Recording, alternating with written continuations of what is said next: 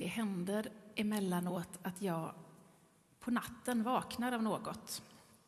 Och sen därefter så ligger jag vaken och kan inte somna om. Kanske känner du igen dig i det där. Och så ligger jag där och vänder och vrider mig, frestas så att plocka upp telefonen för att titta på något, men så vet jag att gör jag det så är chansen att somna om ännu mindre. Och istället ligger jag där i det långsamma, tålamodsprövande tillståndet som kanske allra mest kan beskrivas som vaksamhet och väntan. Världens problem brukar passa på att hälsa på mig där och då, stort som smått. Plötsligt dyker alla de där grejerna upp som jag inte får glömma till nästa dag. Och så åker kanske telefonen fram ändå för att notera någon påminnelse. Ibland så tänker jag att jag ändå ska komma ihåg det av mig själv. Det här tillståndet, eller vad vi nu ska kalla det, upplever jag inte så ofta på dagtid. Om väntan uppstår på dagen så fylls den nästan alltid av något annat. Något som stimulerar och underhåller mer än den där tomma väntan med bara de egna tankarna som sällskap. Hur frustrerande det än är att ligga vaken och vilja sova och veta att man behöver sova och verkligen borde sova nu så kan jag så här på dagen, på behörigt avstånd från den faktiska situationen, känna en viss tacksamhet över de där stunderna. För jag tror att jag och vi alla behöver vaksamhet och väntan. Det som den här söndagen handlar om. Jesus uppmanar oss i texten vi hörde att vara redo, vara beredda, för Människosonen kommer när vi minst anar det. Om det är något som vi tränar på så är det väl just det där med att vara beredda, att ha beredskap. Det talas mycket om det. För en tid sedan, jag vet inte exakt hur länge sedan, fick jag en folder som jag tror skickades ut till alla hushåll med information från myndighet, Myndigheten för samhällsskydd och beredskap med den här infon om vad var och en bör tänka på och ha beredskap för.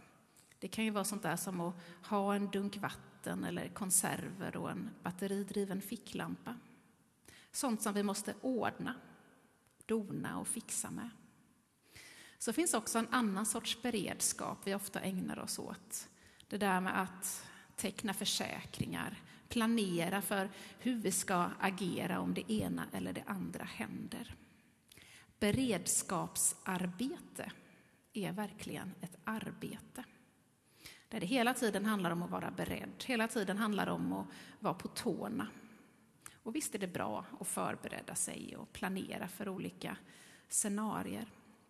Men jag tänker att beredskapsarbetet kanske ibland ställer sig i vägen för en annan sorts beredskap. Den här söndagens tema, vaksamhet och väntan. Att inte fylla varje lucka med sånt som behöver göras och ordnas, utan ibland bara stanna upp och vara i det som är. Vaka och vänta. Den där broschyren från MSB hette Om krisen eller kriget kommer. Många av oss är så lyckligt lottade att vi inte har upplevt hur det är när kriget kommer. Att vi inte vet hur vi hade agerat där och då.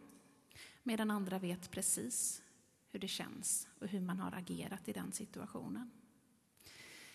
Men kriser av olika slag har väl de flesta eller alla av oss upplevt på olika sätt, på olika nivåer.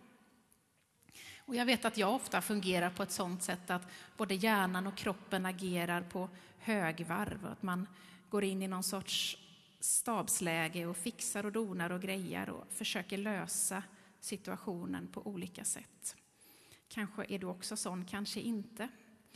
Men så märkte jag i en situation när jag hade gått in i mentalt krisläge att när jag väl satte mig här i kyrkan en stund i tystnad och stillhet, så visade Gud att mycket av det jag försöker lösa var redan löst.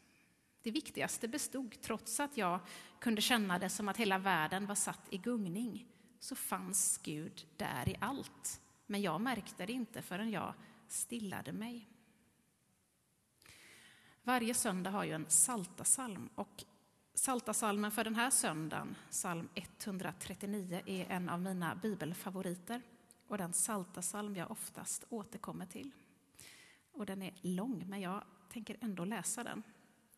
Det står så här. Herre, du ransakar mig och känner mig. Om jag står eller sitter vet du det. Fast du är långt borta vet du vad jag tänker.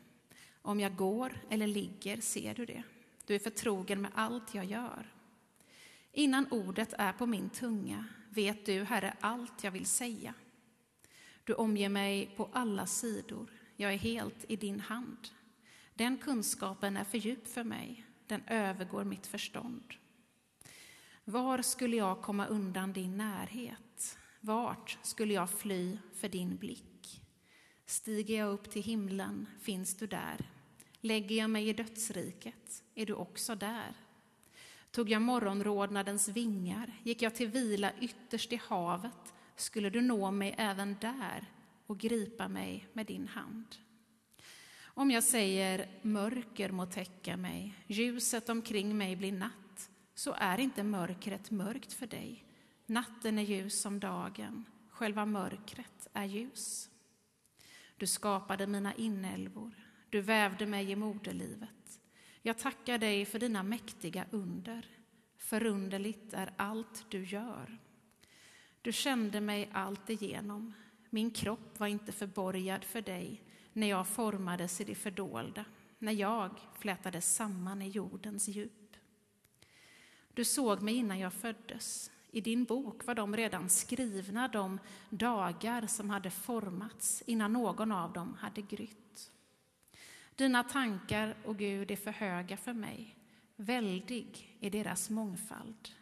Vill jag räkna dem är de flera än sandkornen. Når jag till slutet är jag ännu hos dig.